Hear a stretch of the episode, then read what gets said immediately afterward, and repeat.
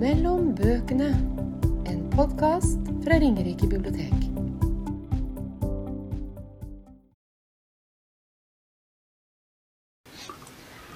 Hei og velkommen til Ringerike bibliotek sin podkast.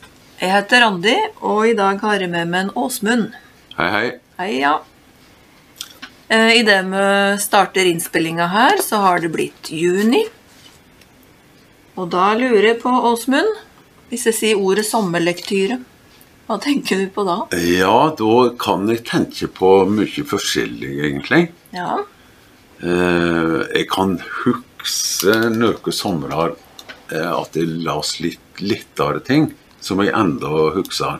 ja, Eh, blant annet Graham Greene. ja. Jeg vet om du leser han? Nei, jeg tror ikke jeg har lest noe av han. Kanskje ei bok? Ja, for han, han har både litt uh, tyngre bøker, men òg Ja. noe han kaller entertainments. Ja.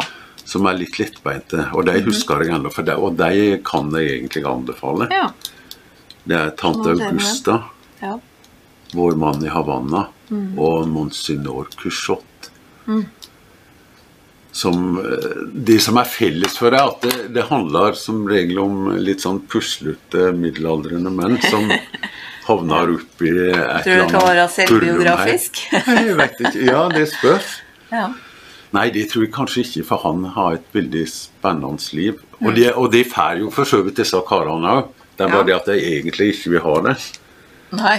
Mot sin, uh, sine egne ønsker, så Ja.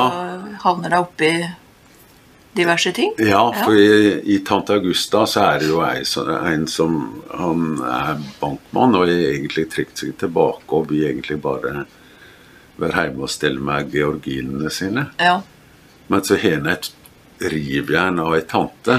Hun er 75 år. Og en elsker på nøkler 20 eller 30. Oi. Ja, spenstig. eh, som heter Wordsworth. Ja. En svart kar. Og hun drar da med seg denne karen på eventyr rundt omkring i verden. ja. Og i Vår mann i Havanna så er det jo en kar som er, han er støvsugerselger i Havanna. Dette er jo eh, på 50-tallet, tror jeg. Og så blir han etter hvert eh, rekruttert av eh, det engelske MI5, er det vel?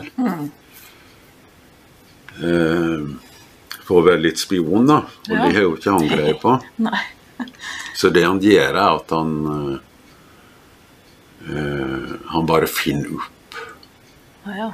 eh, liksom kontakt eh, Lager seg et voldsomt kontaktnett som ikke fins i virkeligheten. da. Så eh, Nei, begge de er veldig fine. Og det Ja. samme med Monsignor Cuchot, så er det en kommunist og en katolikk som kjører gjennom Spania Spania eh, på sine eldre dager Ja. i et OCV. ja. Og det er veldig fine, lette, lette sommerbøker å lese. For jeg tror eh, ganske mange ønsker seg litt sånn lett eh, lesning Ja, i ferien. Og det kan være bokstavelig talt hvis du skal ut og reise og ikke skal ha med all verdens bagasje. ja, Tar du kanskje med sånne tynne, ja tynne bøker. Ja. eller eh, pocketbøker ja, ja, som ikke veier Unnskyld. Som ikke veier så mye. ja. Eller så kan det være lett i den forstand at eh, du kan lese det mens du ligger på stranda ja, uten å bli forstyrra av eh, det som foregår ja. rundt. Eller det er ikke så farlig om du blir forstyrra, for du finner igjen tråden. ja liksom. det er nettopp det. Personlig så, så syns jeg egentlig når jeg har ferie, da har jeg tid til å lese noe som er litt tyngre. Ja, Eh, Eller tid til å lese mer sammenhengende og konsentrert. Da. ikke sant? Så jeg velger ofte en sånn blanding til Ja. ferien. Det har noen litt tunge, og så noen veldig lette innimellom. Ja. Så en sommer så leste jeg jo eh, alle Eller alle og alle. Det er brevene til Vincent van Gogh. Ja. Som han sendte til bror sin. Det er jo Og den der tykke boka. Ja, det er ikke noe tynn, liten paperback. Men så har i den et sånn eh, kapittel eller forord Jeg tror det er første boka der du får høre om uh, det korte trekk, uh, livet til Vincent van Gogh i korte trekk. Ja, ja. Så at du får liksom biografien hans før eller etter, og så leser du, kan du lese disse brevene. Ja. Og det som eh, slår meg, da, det er jo at han hadde en helt ukuelig vilje til å male. Ja. Selv om det var ingen som brydde seg om kunsten hans, så malte han på. Altså, ingen er jo feil, for broren hans støtta han jo. Ja. Både økonomisk og i det truen på at han kunne bli til noe. Ja. Men han solgte vel var det kanskje ett bilde? Ja, jeg tror han det. Ja. Så det var jo en sånn murstein som jeg brukte vel nesten hele ferien på. ja. Men det var ambisiøst og Ja, bra gjort. Og ja altså jeg liker eh, Av og til så liker jeg litt sånn tyngre ting, da. ja. Nei, for jeg må innrømme at det har gjort enkelte somrer Bestemt meg for at nå har jeg tid til å lese den og den, og så Blir det ikke noe av? blir ikke noe av. Nei. Men skal vi gjøre Så- andre ting enn bare å lese, kanskje? Ja da, det er det. Ja. Men det kan være fint å ha et sånt prosjekt. Ja. Eh, så jeg var inne på han eh, van Gogh, da. Ja. Da har jeg lyst til å nevne ei bok som jeg akkurat har lest, hvis jeg klarer å finne notatene mine her. Nei. Jeg har kanskje ikke tatt den med den, da. Det var veldig Men hva slags bok var det? Nei, det er ei som heter Tronstad. Tyra, nå fant jeg. Tyra Theodora Tronstad Ja. heter hun forfatteren. Og Ja. hun eh, har før eh, gitt ut ungdomsbøker. Ungdomsromaner. Ja. Så dette er, så vidt jeg veit, den første romanen hennes for voksne. ja. Og den heter 'Det finnes ingen grenser for gult'. Nei. Og den handler om eh, hovedpersonen er Sigrid. En dag så går hun nesten rett på ei gammel dame med krykker og handleposer og som Ja. og sjonglerer og er veldig ustø. Og da tilbyr hun Sigrid seg å bære seg varene hjem for denne gamle Ja, dama. ja. Så det er liksom starten på det bekjentskapet, da. Eller Ja, vennskapet, kan en si. Den gamle dama heter Marika og er billedkunstner. Ja. Og det Sigrid gjør, at hun skriver dikt på fritida. Ja. Og det er det ikke så mange som veit, for hun liksom holder på det som en liten sånn hemmelighet, da. Ja. Men Marika får vite det. Og da har det den her eh, kunsten felles, det ønsket om å skape. Ja. Og Marika har jo trua på det hun gjør. Og de prater en del om dette at for å kunne arbeide med kunst, så er du avhengig av at du tror at du har noe å fare med. Ja. på en måte. Så Marika har opparbeida seg den eh, tryggheten, Ja, mens ja. Sigrid mangler det, eller hun er mer usikker, da. De bor da like i nærheten av hverandre, viser det seg, så eh, Sigrid er jo stadig bortom, og i perioder så får hun ganske mye med hun Marika å gjøre. Ja. Mer enn hun egentlig ønsker, kanskje òg. Ja, ja. For hun er jo ganske skrøpelig, eller blir mer og mer skrøpelig og trenger mer og mer hjelp. Ja. Og egentlig så har eh, Marika sett ei grense Nei, Sigrid har sett ei grense for hva hun vil hjelpe Marika med, men det hender den grensa flyter litt. Ja. For eksempel så skriver jo Og Sigrid forfatter jo et brev til kommunen Ja. med som klager over den hjelpa hun ikke får. Ja. Og Sigrid er jo gift og har unger, Ja. og da er jo ganske imot at hun er så veldig mye over hos den gamle dama. Ja, for hun bruker mye tid. Bruker mye tid og Ja. på det. Ja. Men til sist da, i romanen så viser det seg at så viser det seg at det var ikke bare Sigrid som ga eller hjalp Marika. Nei, Marika kunne også hjelpe Sigrid. ikke sant? Og det var um, uh, en litt spesiell roman å lese, for det var litt sånn dyster på en måte. Litt, sånn, litt stillestående, kanskje. Ja. Men når det kommer til slutten og blir veldig rørt, da, Ja, så er jeg veldig glad for å ha lest hele boka og ikke sant? kjent på den derre litt tyngden, da, eller det dystre. Ja. Og ja, det er en veldig fin bok om kunst og vennskap mellom generasjoner, og om det å være medmenneske. Ja. Ja, nei, da når du nevnte det der med at du var glad for det når du, har, Ja. når du la slutten, ja. Så skal jeg, eh, da eh, kommer jeg på ei bok som jeg ikke leser helt ferdig. Av uh, Trude Marstein, Ja. som heter 'Hjem til meg'. Den har du òg lest, tror jeg. ja. Det er lenge siden, da. Ja. Så jeg har rekapitulert litt hva den handler om. ja. Nei, for det handler jo om Ove. Fastlegen Ove. Eh, og vi følger han i den boka fra Han er nokså nyutdanna, tror jeg. Ja. Også til han blir pensjonist. Og Ove, han ja, hva er det med han Nei, egentlig? hva er det med Ove? I Han har en veldig appetitt på kvinnfolk. Ja, veldig, ja. Eh, så han er jo notorisk utro, da, for han er jo eh, eh, Han er jo gift. Han Ja. blir gift temmelig tidlig i boka, Ja. og de får Det er ikke til hinder, liksom. barn. Nei, han eh, eh, Han har alltid ei elskerinne, Mhm. men så er han liksom så eh, Jeg vet ikke. Jeg Han er så tasa tasalenge. Samtidig tasalenge. Det betyr Det er lite tak i Ja, eller ja. For det var det jeg tenkte, at det bare skjer med han. Ja, han Det byr seg en anledning, og ja, da klarer han ikke å la være. Nei. Altså. Det jeg tenkte, var at jeg, jeg blir litt sliten når jeg leser om han. Ja, Men så tenker jeg at det er sikkert beskrivende for åssen han har det med seg sjøl. ja, det vil han egentlig blir litt uh, sliten.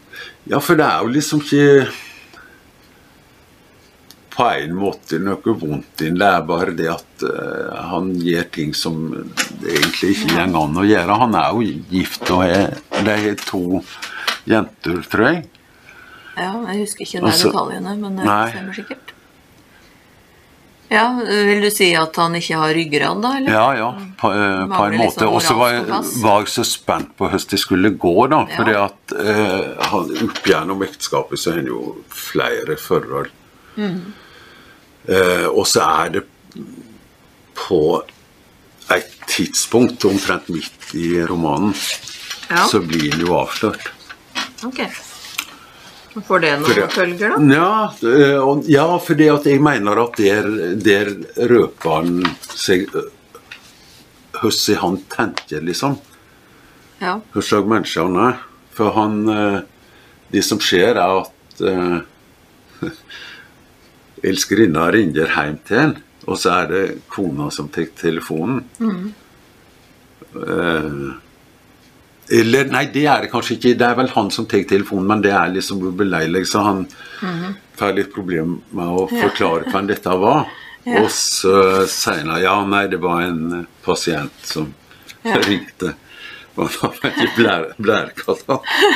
Og så tenker jeg det etterpå. Ja, det var kanskje dumt å si før. Det er jo ingen som ringer fastlegen på kvelden og sier blærekatta. Så, så spør hun rett og slett eh, rett ut om hun har vært utro. Og så innrømmer det da at han har gjort en, en forferdelig feil. Men det er slutt nå, alt er evig. Ikke sant? Ja, liksom. Liksom. Og det er det jo ikke. Nei. Men, men i hvert fall da, så blir jo hun rasende. Og kommer med den tirada, det kan du jo skjønne.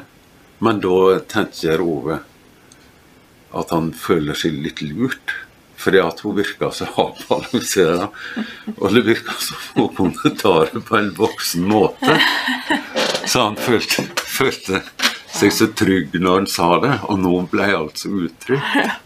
Så på en måte så vrir det til at Ja. ikke engang det er hans feil, det er, det er egentlig hennes feil.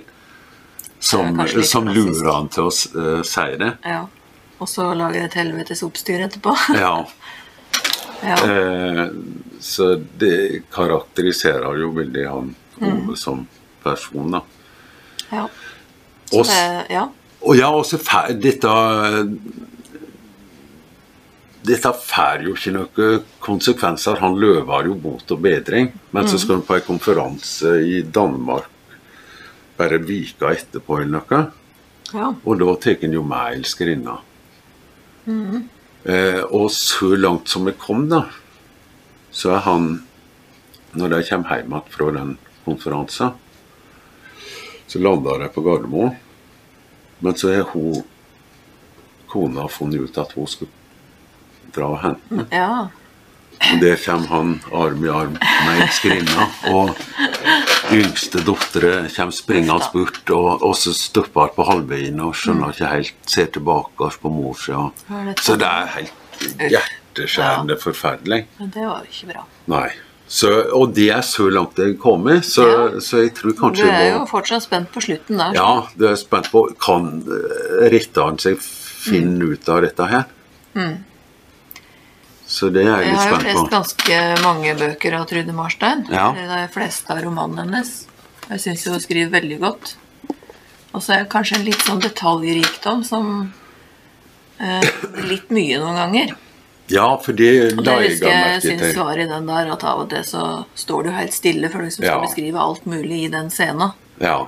Lurer på er det vits i å ha alle detaljene der, men samtidig så gir du en følelse at du er akkurat der i det rommet, og ja du er ser jo alt. det.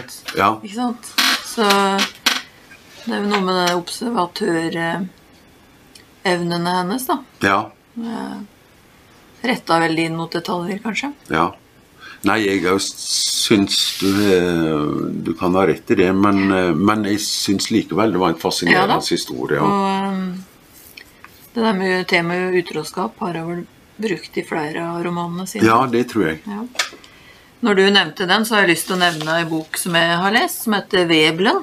En som heter Ja. Per Kvale, som har skrevet. Ja. Og den handler om Knut, som Ja. er en eh, mann som hele livet har hatt en eh, veldig stor appetitt på kvinner. Ja. Men på slutten av romanen, eller slutten av livet hans, så utvikler en Alzheimer og havner på pleiehjem. Ja. Han har vært gift, eh, han har vært gift to ganger. Har to barn med hver av disse konene. Og I tillegg så har han en eh, sønn utenfor ekteskap. Ja. Og så er nå Altså, utroskap, det er rett og slett en del av det livet hans. Ja. Eh, Også i forhold til det at han lurer på om det ene barnet som han har med den første kona Han Ja. er usikker på om det er hans barn eller oh, ikke. Ja. Eh, Jeg noterte meg at romanen framstår kanskje som litt summarisk. Ja. Det er mange kjærlighetsforhold, det er mye som foregår, også i Knut sitt hode, da. Ja, ja. Men det er mange fine observasjoner og betraktninger. Og det var noe som holdt interessen oppe, så jeg leste jo hele boka. Ja. Så er det et sitat der. Da Knut havna på, på pleiehjemmet, han har Alzheimer som sagt. Ja. Nå er det nesten bare overskriften igjen av ham, sier Helena. Alt innholdet er borte. Brødteksten. Han kjente ikke igjen sitt eget speilbilde engang, sa han derre fyren der. Uff a meg. Ja.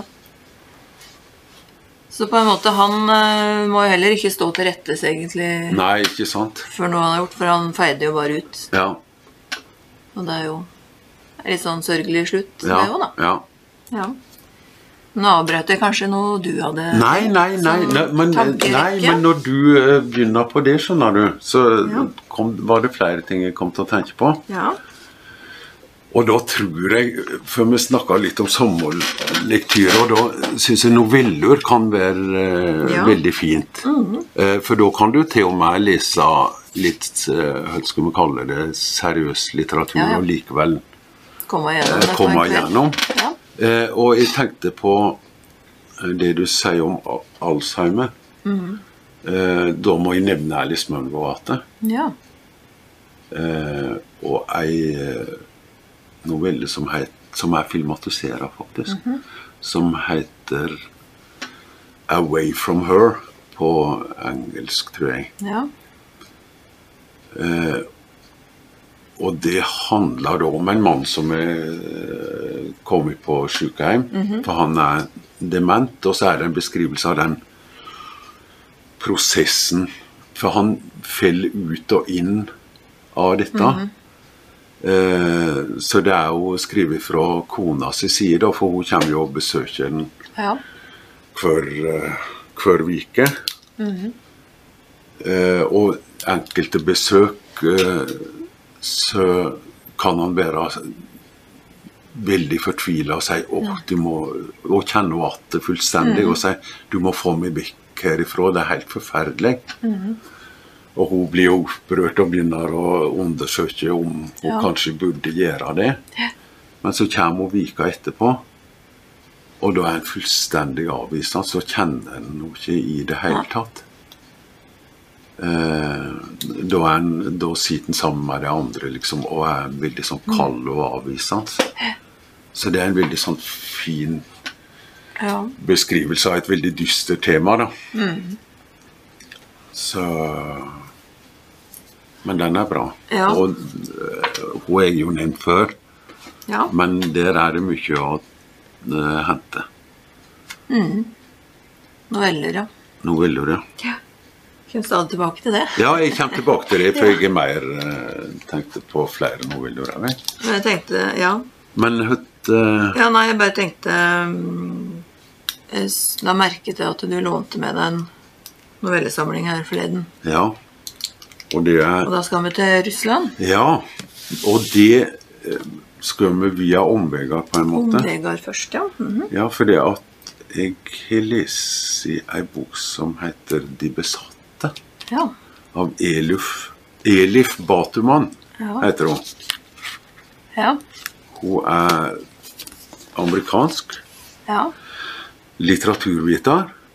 Eh, og hun for, eh, Når den boka heter 'De besatte', så er jo det òg tittelen på en Dostojevskij-roman. ja. Så har hun stølig derifra, da. og, men det som er greia her, er at hun blir fullstendig opphengt i russisk litteratur. Og det høres kanskje litt tungt ut. For da er det jo snakk om disse Ja. gamle klassikerne. ja. Eh, men eh, når jeg leser den boka, så er den er i hvert fall veldig le- lettlest. Eh, og samtidig som den inneholdt mye interessant. Så eh, det kan være ja, litt sånn Hun går inn i tekstene til disse store klassikerne. Og blant annet Isak Babel som nå blitt oversatt på nytt. Og det er vel litt fordi at uh, Ukraina er jo litt i fokus for tida. Det det. Og han er en av de store forfatterne derifra. Ja. Men, men så er det det så, eh, Det som er så fint med boka, er at hun, hun veksler veldig sånn lett mellom det litt tyngre, seriøse da, og det vanlige, daglige livet. Så et lite Skal ta et ørlite utdrag herfra. De har akkurat hatt en konferanse om Babel og verdenslitteraturen. Ja. Eh, Så det er jo liksom litt tungt. Men så kommer hverdagen, da. Senere samme ettermiddag, etter samtalen om Babel og verdenslitteraturen, syklet jeg tilbake til studentbyen og holdt nesten på å kjøre på Fisken, er av professorene. Han sto og røykte utenfor bygningen sin, i pysjamas. Jeg ønsket ham velkommen tilbake fra Tahoe, og lurte på om han var fornøyd med konferansen. Fisken, fikk jeg vite, var ikke fornøyd med konferansen. I tillegg til at han hadde fått refs for Tahoe-turen, hadde Boris Salewski, en kjent autoritet på 1900-tallslitteratur, vist ham fing fingeren på parkeringsplassen. Tuller du? spurte jeg. N n nei, sa fisken, som alltid begynte å stamme når følelsene kokte i ham. Det er helt sant! Jeg lover! Så det blir brutt opp av sånne Ja, anekdoter, da. ja. Så, så den For liker jeg veldig godt. dette er sakprosa. Ja, det er jo Ja, sakprosa. Hun forteller Om liksom russisk litteratur. Ja, om sin vei til russisk litteratur. da. Akkurat. Og det med han som mistet fingeren, var det at de var på parkeringsplassen, og så hadde han fisken sett seg utleid Ja. en parkeringsplass, men det var en annen som var på Ja. veggen, mens han smatt den inn. Ja. Og så oppdaga han for seint at det er kollegaen hans som eh, han har tatt parkeringsplassen fra, da, og han viser den fingeren. Så nå er jeg så opprørt. ja. Blir uvenner på det. Ja, ja, så det blir de uvenner på. Ja. på seg.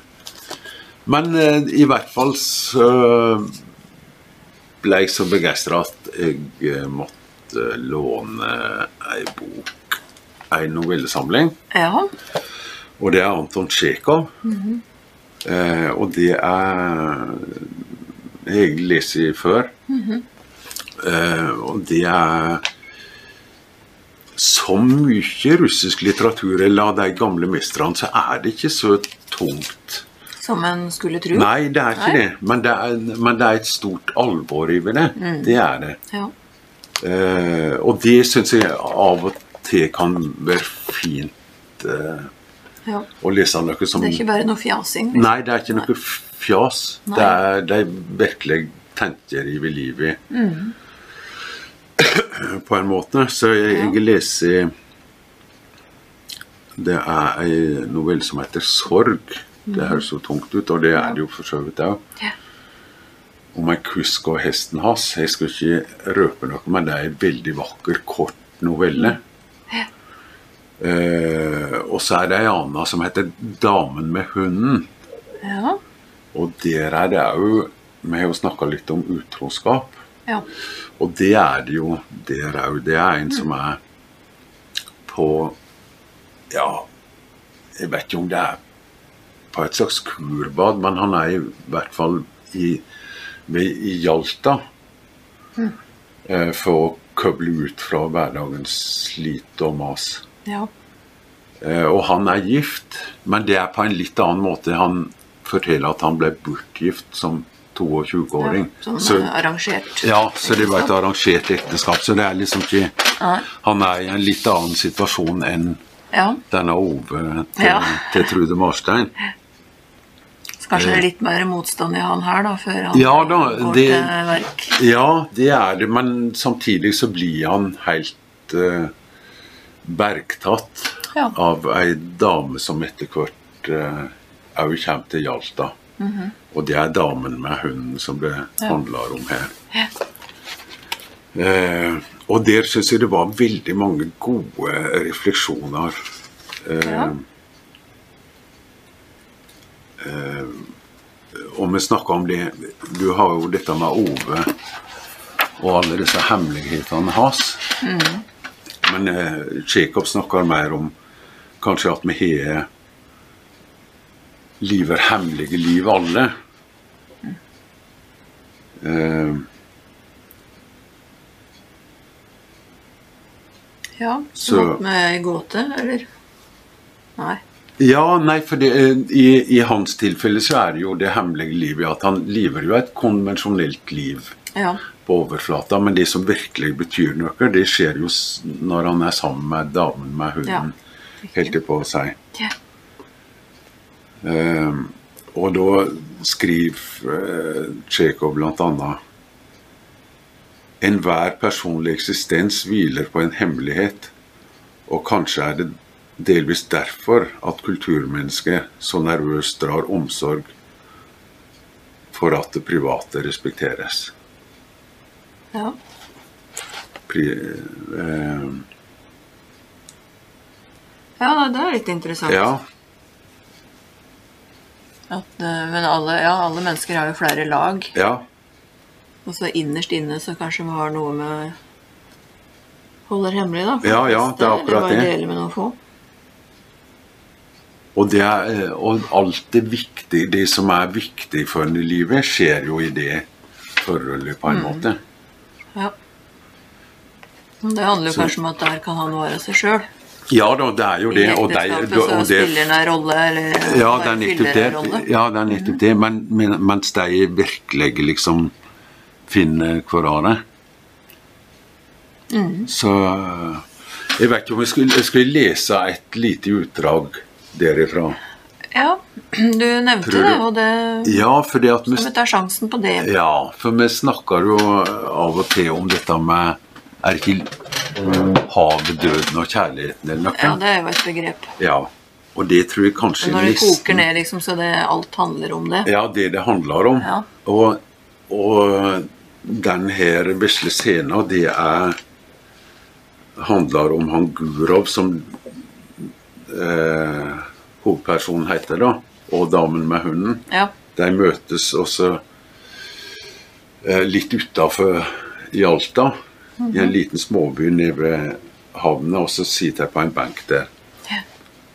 Uh, og da skriver Tsjekhov følgende I Orianda fant de en benk i nærheten av kirken og så ned mot havet i taushet.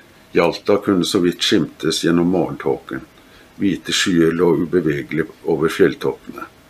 Løvet rørte seg ikke på trærne, sikadene sang, og havets dumpe, monotone brus som ble båret opp til dem, talte om roen, den evige søvn som venter oss. Slik bruste det der nede før det ennå var noe Hjalta eller Oreanda. Slik bruser det nå, og slik vil det komme til å bruse dumt og likegyldig når vi ikke lenger er til. Og i denne uforanderlighet, denne fullstendige likegyldighet overfor et hvilket som helst menneskes liv og død, skjuler det seg kanskje en pant på vår evige frelse, på livets uavbrutte bevegelse på jorden, på at livet blir stadig mer fullkomment.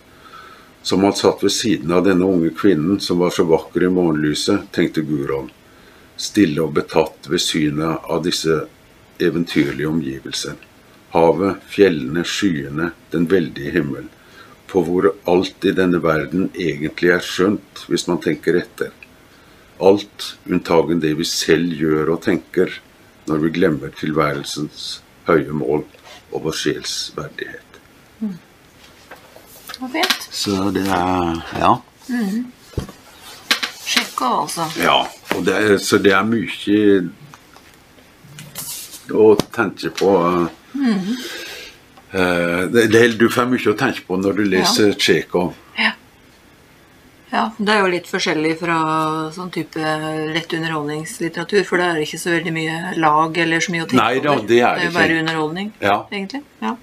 Når vi er på dette russiske, Ja. da har jeg lyst til å nevne ei bok som kom i år, Ja.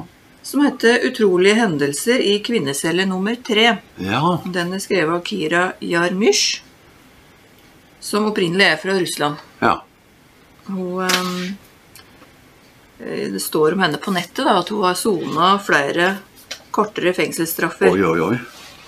Og nå lever hun i politisk eksil i Vest-Europa. Og ehm, som en kan få inntrykk av da, gjennom tittelen, så handler det, handling, eh, handlingen er fra et fengsel. Og hovedpersonen er Anja Romanova. Ja. Eh, Hun har vært arrestert for deltakelse i en ulovlig politisk demonstrasjon. Aha. Eh, De hun demonstrerte sammen med, Der slapp løs igjen veldig fort og lett, men Anja hun ble sett på som planlegger av denne demonstrasjonen, ja, ja. så hun slipper ikke like lett unna. Nei. Hun må sone i ti dager. Ja. Og de ti dagene der tilbringer hun da i kvinnecelle nummer tre, Ja. sammen med noen andre kvinner, som òg har eh, gjort mindre alvorlige forbrytelser. Ja. Og i romanen så får vi følge da oppholdet dag for dag. Det skjer Ja, jo ikke ikke stort sant? eh, Ja. i et eh, Nei, det er jo ikke slikt, så mye å eh, gjøre, slik tilværelse. gjøre på. Nei, men vi får jo følge Anja da i, i tankene tilbake til hendelser i livet hennes. Ja. Og i løpet av disse stillestående dagene så opplever Anja flere skremmende og uforklarlige ting der inne i den cella. Ja. Og da til slutt sitte igjen som den siste som skal løslates, Ja. Så får hun resonnert seg fram til en mulig forklaring på hva disse uforklarlige opplevelsene er for noe, og hva hun kan bruke denne kunnskapen til. Ja. Prikk, prikk, prikk. Hun sier ikke mer. Nei. Nei. Dette her var en interessant leseopplevelse. Her er det jo både humor og alvor, gode betraktninger, og så får vi innblikk i hvordan et samfunn gjennomsyret av korrupsjon kan Ja, for dette, dette er Russland i dag, ikke Ja, sant? det Det er det det er. Ja. Det er sånn jeg tolker det, i hvert fall. Selv om det ikke er satt på noe akkurat datoer som jeg husker. Så Men, men vet du om For hun soner flere korte fengselsstraffer, men det er for den slags virksomhet, da? Eller hun er ikke Eh, vanlig Altså, kriminell, helt på å Nei, det er jo når du får korte fengselsstraffer der, så er det jo pga. mindre alvorlige Ja, ja. forbrytelser. Ja. Så det er kanskje typisk sånn type Ja, demonstrasjoner og ikke sant? Ja. Jeg kan nevne et eksempel um, på dette med korrupsjon som blir vist. da. Ja. Den andre dagen hun er i fengselet, så skal hun få lunsj. Og den eh, blir servert av mannlige fangere, fanger som de kaller for skvipere. Aha. Og en av dem er nysgjerrig på hvorfor Anja sitter inne. Hun sier at hun er tatt for å ha demonstrert mot korrupsjon. Noe fyren syns er rart, for hun har jo ikke fått betalt for å være med, så hvorfor gadd hun det? Ja, Ikke ja. sant? Ja. Og så spør hun, da, hvorfor sitter han inne? ja. Jeg kjørte moped uten hjelm, sa fyren med et skuldertrekk. Blir man satt inn for det? Nei, men purken ville ha bestikkelser, og det gadd jeg ikke. Da skrev, jeg, de, da skrev de at jeg hadde kjørt i påvirka tilstand. Ja. Og så spør du hvorfor jeg demonstrerer mot korrupsjon. ja, ja. Ikke sant? Det er litt sånn derre Ja, Eh, morsomme- Ja. vrier her, da. Så den, eh, den kan jeg anbefale. ja, den høres interessant ut. Ja. Var det noen trådene der som du kan nøste? Eh, Eller skal vi snakke om eh, Marie Takvam? Ja, Marie Takvam kan vi ta. Den var jo inne på Det dette med, med inne på. kunsten. Ja. At en må ha tro på det en driver med, men så er det kanskje noen som bare må drive med kunst. Som har det i Ja, seg som en sånn eh, indre driv. Eh, Tittelen på Magnus Takvams bok er jo 'Hun skrev for å kunne leve'. Ja. Min mor Marie Takvam. ja. Og her forteller han eh, livshistoria til eh, mora, Marie Takvam. Og han skriver også seg sjøl inn i denne boka. Ikke sant? Og det forholdet mellom de to som i perioder var vanskelig. Eh, Marie fikk psykiske problemer da hun ble eldre. Hun drakk Ja. mye alkohol. Ja. Og til slutt så kom det et sammenbrudd som gjorde at hun ble helt avhengig av hjelp. Ja. Men på slutten av livet så tolker jeg det som at Magnus og mora greide å forsones og Ja. finne tilbake til hverandre. Jeg må si jeg visste ikke så mye om henne fra før, annet at hun skrive veldig fine dikt. Ja. Eller skrev Ja. veldig fine dikt. Så jeg syntes det var interessant å få høre om livet hennes, og jeg fikk jo òg veldig lyst til å lese flere av diktene. ja, ikke sant? Ja. Ja. ja. Nei, hun har vi vært borti i andre sammenhenger. For jeg òg ble Jeg kjente jo navnet, men jeg òg ble kjent mer kjent med henne gjennom Ma- Magnus Takvam. Mm. For han har gjort noe tidligere òg, oh, ja. som jeg nevnte. Og det, da, den kan jeg egentlig anbefale. Det har vi gjort. eh, ja. Er det et kapittel i en samling? eller Ja, du vet var det er eh, kapittel i ei samling eh, tekster som Ole Torp Ja, riktig. Eh, noe med, samla. med menn som gråter? Ja, tekster som kan få voksne menn til å Ja. gråte. -hmm. Og den er veldig fin, fordi ja. er, han er spurt Det er 71 bidragsytere, og da har han bare spurt eh, menn, da. Ja. om eh, de kan eh, komme med en tekst. Altså det kan være en sang, et dikt eller noe som har gjort veldig inntrykk på deg og vært viktig i, Ja. i livet deres. da. ja. Uh, og der var det veldig den, er, den kan jeg anbefale. Den har vi i dikthylla her. ja. Eh, Og da er det at Magnus Takvam har rett. Magnus Takvam har et dikt, da, Ja. og det er skrevet av eh, Det er et dikt som Marie Ja. skrev. Eh, og der forteller han òg, som i biografien, litt om det vanskelige forholdet mellom eh, han og mora. da. At det var eh, vanskelig, og, og, og det var mye avstand der òg, men ja. Jeg tror han fant ut at eh, han bare måtte la være Ja. å ha kontakt med henne. for Ja. det- ble for slitsomt, rett og slett. I perioder, da. Ja, at han eh, unngikk å være sammen med. Så, ja da, og den der avstanden, den eh, hadde jo Marie sjøl opplevd i forhold til foreldre sine. Eh, og hun òg ble borte for dem i mange år. Eh, Ja, og- altså På den tida så var jo når du flytter langt unna barndomshjemmet ditt, da, Ja. så var det ikke gitt at du kunne være så mye sammen med Neida. foreldrene dine lenger. Og så ble de litt fjerne fra hverandre. Og, eh, men eh, det diktet som eh, Magnus Vele, det er faktisk et dikt som hun skrev til far sin etter at han døde. Ja. Altså et tale ved båra Ja. Eh, som sier veldig mye.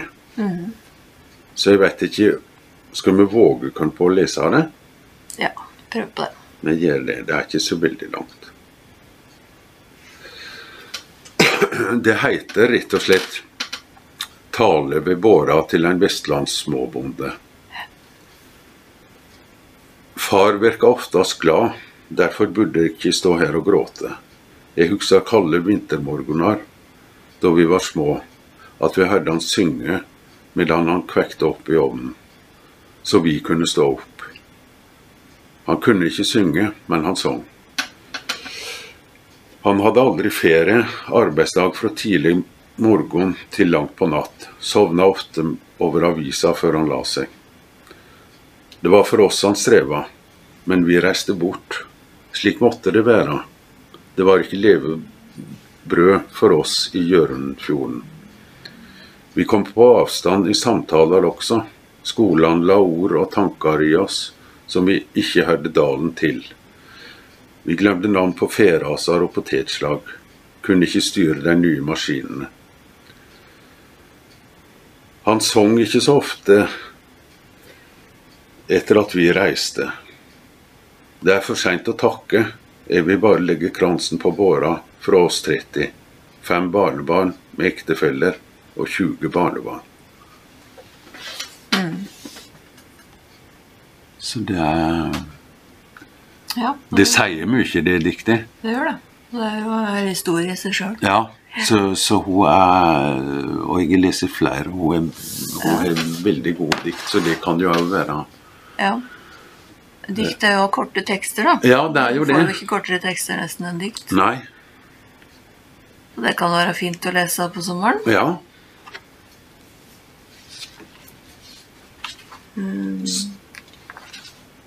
Vi snakka litt om sorg eh, i stad. Ja.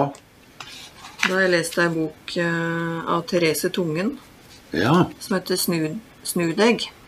Ja. Edvins bok. En elegi. Ja.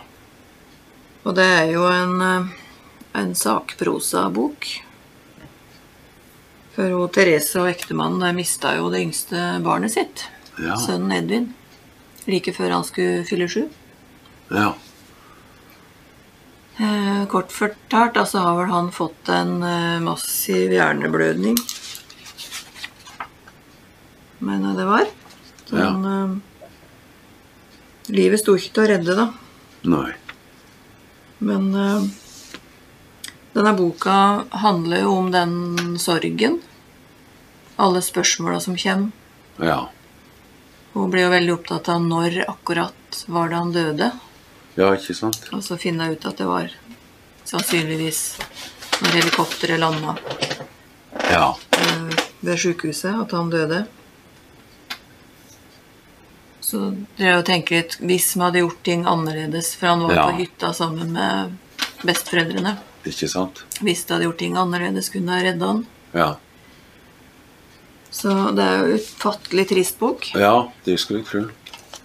Det Men samtidig så det blir som en minnebok om han. Ja, Og jeg tenker at det sikkert har vært veldig fin terapi for henne å skrive alt hun husker som hun syns jeg har lyst til å ta vare på av minner om han. For dette, dette er sjølopplevd, dette, Ja. altså. Ja. Mm. ja. Og så er det jo om sorg, da. Sorg er jo sikkert veldig ulikt fra person Ja, til person, men kanskje noen kan finne trøst i å lese hennes Ja, det skulle du tro. eh, jobb med det, eller hva man skal kalle det. Ja. Jeg syns det var en veldig velskrevet og bra bok, men veldig, veldig tung og trist. Ja, ja. Ja. Men det handler jo òg litt om det Det som ikke blei, på en måte. Ja. Eh, og det er jo noe han kan tenke på i livet. Altså Det blei som det blei, helt på å si, Ja. men det var mange Det kunne ha vært annerledes. Det er jo noe han kan tenke, tenke på. ja. Eh, På en måte så tror jeg kanskje akkurat rett etter sånt har skjedd, da er det ingenting som hjelper å nei da. tenke på. Nei. Men på sikt kanskje så er det mange forskjellige teknikker for å Ja. ja, komme videre med eget liv, da. Ja. Men det å miste et barn, det må jo være noe av det verste. Ja. Eller hva som er verst. Det er jo ikke mål... Jeg kan jo ikke måle nei. nei, Nei da. Men, Men at det eh, er veldig tungt og, og vondt, det er det helt sikkert. Ja. Men eh, Nei, jeg bare kom til å tenke på noe, skjønner du, når ja. du snakker om det her. Ja. Om, snakker om det som ikke blei, da. Ja. Eh, da kom jeg på ei bok av Primo Levi. Ja.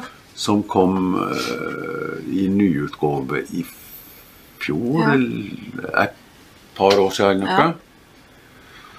Eh, som er veldig fint, som heter 'Det periodiske system'. ja. Eh, og det høres kanskje litt tungt ut, som en slags eh, Lærebok. lærebok. Ja, han var, han var jo kjemiker òg, men jo mest, eh, det han er blitt mest kjent for, er jo sine bøker fra eh, konsentrasjonsleiren. For han satt jo som fange noen år. Jeg tror det var i Auschwitz. Eh, men denne boka er da den er lagt opp som det periodiske system. Jaha. Eh, Så hver, eh, hver kapittel har da eh, et grunnstoff som ja. eh, eh, overskrift. Eh, Og så tar en utgangspunkt litt i det grunnstoffet, så vidt jeg husker, da. Ja. Eh, og så spinner litt på det, men, men bruker det i en beskrivelse av eh, livet sitt og folk han har møtt og slike ting. Altså Hvis det er et veldig lett grunnstoff, så er det jo letthet da, som Ja. blir temaet. Og der har en et eh, veldig fint Nå skal jeg lese ørlite grann fra denne, ja. hvis du holder ut. Om Det helt. Eh, For det handler om det han hadde en kjæreste, eller nesten kjæreste. Det var litt eh, Det ble ikke deg. Nei. Eh, men de møtes av og til. Eh, og da skriver Primo Levi Gila giftet seg bare noen få måneder senere og tok et gråtkvalt og snufsende farvel med meg, mens hun ga Barisco detaljerte instrukser angående matlagingen. Hun har siden opplevd mye motgang i livet og fått mange barn. Vi er fortsatt venner, vi treffes i Milano en gang iblant og snakker om kjemi og andre fornuftige ting. Vi er ikke misfornøyd med våre valg og med det som livet har gitt oss, men hver gang vi møtes, har vi begge den samme merkverdige og ikke ubehagelige følelsen som vi mer enn en gang har beskrevet for hverandre, av at et slør, et vindpust, et terningkast ledet oss inn på to atskilte veier som ikke var våre. Det var fint. Ja, så det er ganske fint skrevet om det. Ja, Primo Levi det er et navn jeg noterer med. Ja, det må du gjøre. Han kan, vi- ta opp mer av seinere. For han har mange gode. Jeg vet ikke om jeg skal nevne, for det når du er inne på han har sittet i konsentrasjonsleir, Ja. så har jeg lest ei forferdelig grusom bok som heter 'Sonderbehandling'. ja. Undertittelen er 'Mine år i krematoriene og gasskamrene i Auschwitz'. Som heter Philip Müller, som har skrevet. Og den boka er oversatt av Per Kvale. Ja, Per som Kvale beit veit jeg Ja, for jeg veit at han er, han er en god, veldig god oversetter. Ja. Uh, og det handler jo om en som eh, Eller han Müller, da. Forteller jo sin historie om hva han opplevde. Og det var jo veldig få som overlevde fra Auschwitz. Ja. Det var en rein utryddelsesleir, Det var sånn som jeg skjønner det. Ja. Og de fleste som kom dit, ble sendt rett i gasskamera. Ja. Og uh, Müller han var en av de som da ble valgt ut å skulle betjene disse krematoriene og alle kles- og utstyrsbehandlinga som blei. Fordi Ja. alle fangene kledde av seg før de gikk i Ja. gasskamera. Det vil si i Det var så ekstremt overlagt, vet du, at du kan Ja, få helt det er helt eh, forferdelig. uh. Det derre systemet Ja. Uh, at alle disse menneskene var med på å gjorde dette onde. Ja. Og jeg skjønner jo at han Müller, han, og sikkert alle som jobba i den Sonderbehandlung-gruppa, da, som Ja. ble spart fordi de skulle jobbe uh, i gasskamrene, de må ha fundert mye på hva kunne de, kunne de gjort nå? Hva Ja. kunne de gjort? Men jeg konkluderte nok hele tida med at eh, jeg ville jo bare bli skutt. ja Hvis jeg hadde prøvd å protestere, så ble jeg jo bare skutt. Ja.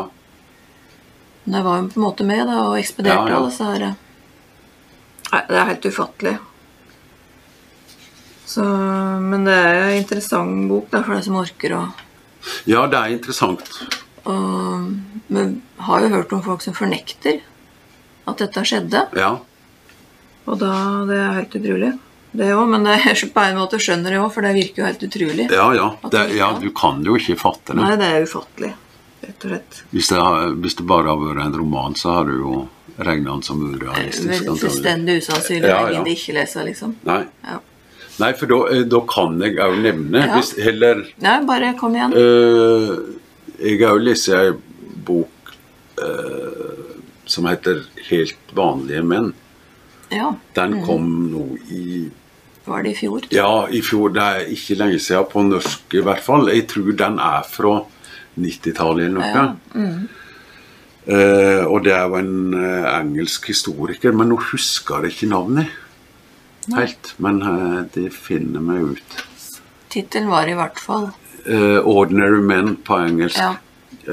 Og der har han gått igjennom noe arkiv eh, i, i forbindelse med en reservebataljon av eh, tyske menn fra Hamburg som ble samla i tropper og sendt til, til Polen.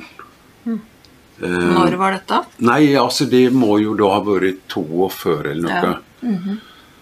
eh, og han, han er da studerer arkivet og alt om om denne bataljonen. Og det interessante er at de ble intervjua igjen på 60-tallet, de som uh, overlevde. Ja.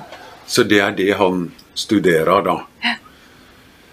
Eh, og det store mysteriet er jo der òg. Altså, dette var vanlige menn som blir uh, familiefedre og, og, og forretningsmenn og all Ja. slags vanlige mennesker. Så blir de sendt til Polen, og etter tre uker der så er de med på sin første massakre. Og de neste månedene så er det Det, det går helt eh, Ja, det er feil å si at det går bananas, for det at de, dette er jo så overlagt og systematisk eh, utryddelse, rett og slett. Ja. Så det Boche prøver å finne ut av, er hvordan i all verden dette er mulig. Hvordan går det an? Og det er jo en skremmende tanke. Men har han noen si, teorier rundt hvor, hvordan? Ja, jeg må, jeg må innrømme at dette, dette er en, eh, en annen av de bøkene jeg ikke leser helt ferdig. fordi at den er Helt. veldig detaljert. Eh, Så du får med deg eh, ja, veldig detaljerte beskrivelser av det de driver med. Jeg skjønner. Eh, men jeg skulle lese han ferdig, men da skal jeg se mer på hans refleksjoner om hvordan det ble mulig. Og det jeg har fått tak i litt, er det at det litt rare er det at de ved den første massakren så fikk de valget om de ville være med eller ikke. Og noen trekte seg. Ja. Og til og med er det en som eh, Ja, han er forretningsmann i Hamburg, og han nekter. Nei, dette, det her går ikke an. Og han, han søker seg vekk og drar faktisk tilbake til Hamburg. eh, mens, men de aller fleste blir med. Ja. Og han forklarer litt med ja, det gruppepresset og det enorme Du er del av et kjempestort system. Det er jo bare slik. ja Så- Hadde de uniform og sånn òg, eller? Ja da, Ja. de, de har Det det. er jo noen Altså. som sier det, når du trekker uniform og Ja, det personlige blir på en måte borte. Ja. Det blir en del av et større apparat. ja. Så Nei, så den er nok en av de viktigste bøkene for å skjønne hvordan det Ja. var mulig. Så, men må du må vite at du går det, for det er Og det er veldig, veldig Ja, det den nøyaktig nøyaktig ja. Det gjelder den der sonderbehandling òg. Ja. Uh, ikke for sarte sjeler. Nei. Men da, da er det jo som det er med boka, så kan, du må jo ikke lese alt like nøye. Nei, det går an å skumme eller bla over. Ja, det gjør det. Uh, ja. Ja. Og så er det jo dine egne bilder du lager, da. ja da, Så det er det. kanskje du ikke klarer å forestille det Ja, nei, det er ganske grusomt, ja. Ja, Eller fryktelig grusomt. Ja. Ja, Nå ble det veldig dette har vært fælt, eh, Åsmund. Ja. Har du noe litt eh, mer muntert å runde av med, eller? Ja, men jeg, ja, jeg tenkte jeg skulle bare nevne noe så vidt i ei bok av en som i hvert fall er nokså aktuell, da. Ja. Eh, er det ikke Wilbeck de kaller han? Michelle Wilbeck? ja. Jeg vet ikke helt du uttaler Ja, det er, ja, det veit hvem det er. Det er han eh, Huelbeck, eh, skriveste, da. Ja. Han har jo kommet en ny nå. ja. Og den er jo på flere tusen sider. Den er veldig tjukk. Ja, veldig tjukk. Ja. Så øh, hvis det, han vil komme i gang med et eller annet som er regna som veldig bra eh, samtidslitteratur, da, Mm. så er jo det en, eh, Ja. en mulig eh, vei. Ja. Jeg leser litt i ei som heter øh, Serotonin ja. av han, og han, han er litt eh, slitsom, egentlig. Men samtidig så er han Han tar ting på kornet, ja. og han er ikke så veldig redd for å, å pirke borti forskjellige ting. Nei. Eh, og da eh, tenkte jeg noe som er veldig betent, han er jo fransk, som er betent i Frankrike, er at det er et eh, veldig klassedelt samfunn. Ja. Eh, og det pirker han borti på en måte eh, her i den boka. Så jeg skulle bare ta et lite uh, utdrag. Vi hadde ligget hver for oss i noen måneders tid. Jeg lot henne få foreldresuiten, og så skriver han da i parentes En foreldresuite er akkurat som et annet soverom, men med walk-in closet og tilstøtende bad. Jeg nevner dette med tanke på mine lesere i lavere samfunnslag. Han er en, han er en rotte. du- Det er ikke så mange som skriver slik, altså. Så, men han, da. han er Han er artig, men det er, han er så Litt provoserende, kanskje? Ja, er veldig provoserende, Ja. så det, men det går an å lese tre sider om dagen eller noe. Ja. For det er verdt det, altså. Ja. Skal vi avslutte med ei som har lest begge to? Ja, det kan vi kanskje. Det er jeg som kan hjelpe deg. Ja. Kjersti Halvorsen. Ja, Jeg kan si litt kort om hva den handler om. ja det kan du gjøre. Ja, Edvin han er psykolog på det forfalne Kvervelslottet, som nå huser en institusjon for behandling av rusavhengige. Edvin han har samboer, lever et godt og stabilt liv. Det vil si inntil André dukker opp som pasient på institusjonen. Han og Edvin har nemlig en felles fortid som gjør det vanskelig for Edvin. Mørket og fornedrelsen fra da Edvin var barn og André plaga han, dukker uvegerlig fram. Det gode og stabile i Edvins tilværelse blir rysta i grunnvollene. Og plutselig er han som den forsvarsløse og usikre tolvåringen fra den gangen. Og ja, hva kan skje da? Nei, Er det noe du vil tilføye? nei da, jeg syns det Du må ikke røpe for mye av handlingen. Nei da, vi får ikke gjøre det. Nei. Dette her var jo ei bok som eh, da den kom, må ha blitt omtalt i noen aviser, og sånt, for da ble det venteliste hos oss plutselig. Ja, så det var en Så den var snakkis, etterspurt, en snakkis. Ja. Ja. Og jeg ble jo nysgjerrig, selvfølgelig. Ja. Og jeg må innrømme at eh, totalt sett så syns jeg det var en interessant og engasjerende roman. ja. Men jeg syns eh, forlaget har gjort litt for dårlig jobb med språkvasken. Ja, det er egentlig Det- det, det, det- jeg ja. å si òg, for eh, Det var noe jeg reagerer på der. Ja, det var spesielt i starten som jeg uh, syns det ble en veldig sånn dårlig innledning for meg. Ja. Det tok seg opp etter hvert, da. Ja. Um, ja, og så var det Det var noe sånn Litt konstruera i det. Det var, Ja. det var mye sånn frampek og den slags. Ja, mhm. Det liker jo ikke jeg. Nei, ikke når de er veldig eh, eh, gjennomskuelige. Ja. Prøve å hekte folk på Ja, Selv om det gjør du jo mer eller mindre uansett. Og da, for da kan vi jo nevne noe Tsjekhov eh, har sagt.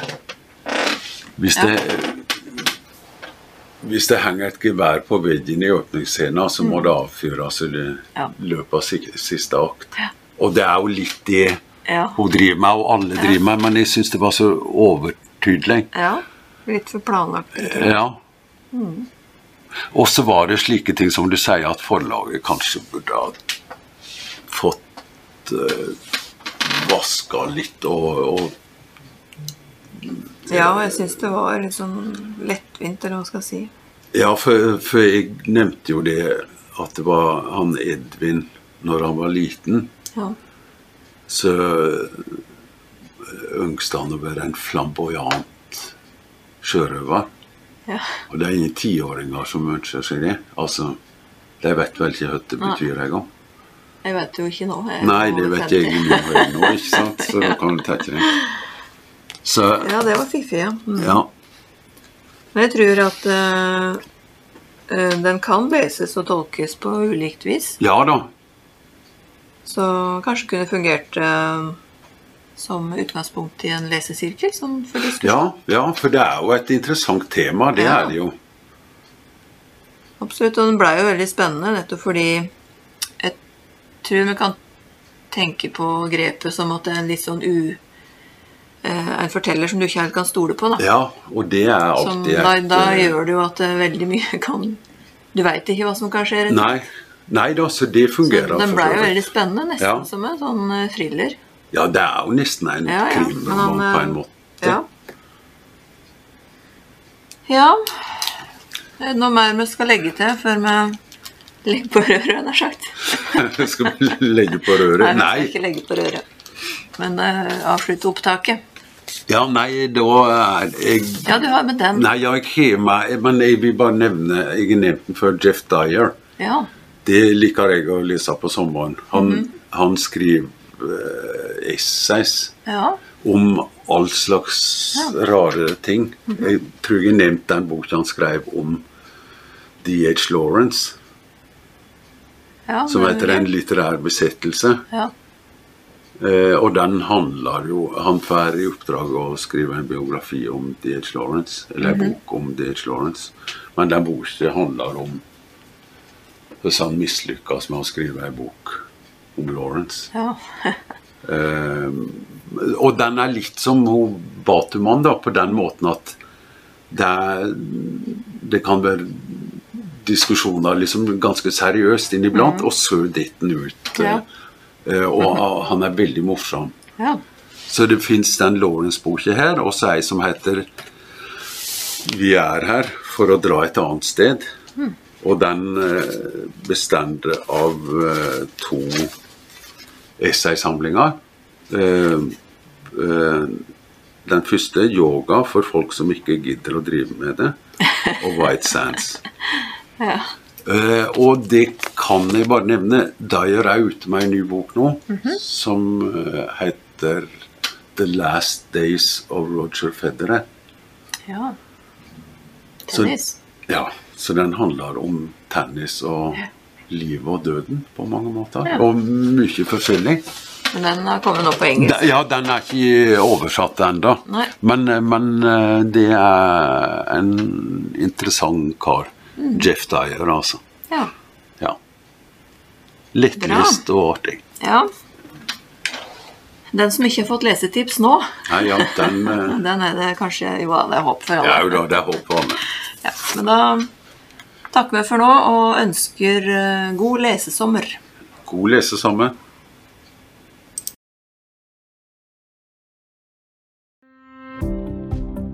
Du har nå lyttet til Mellom bøkene, en podkast fra Ringerike bibliotek.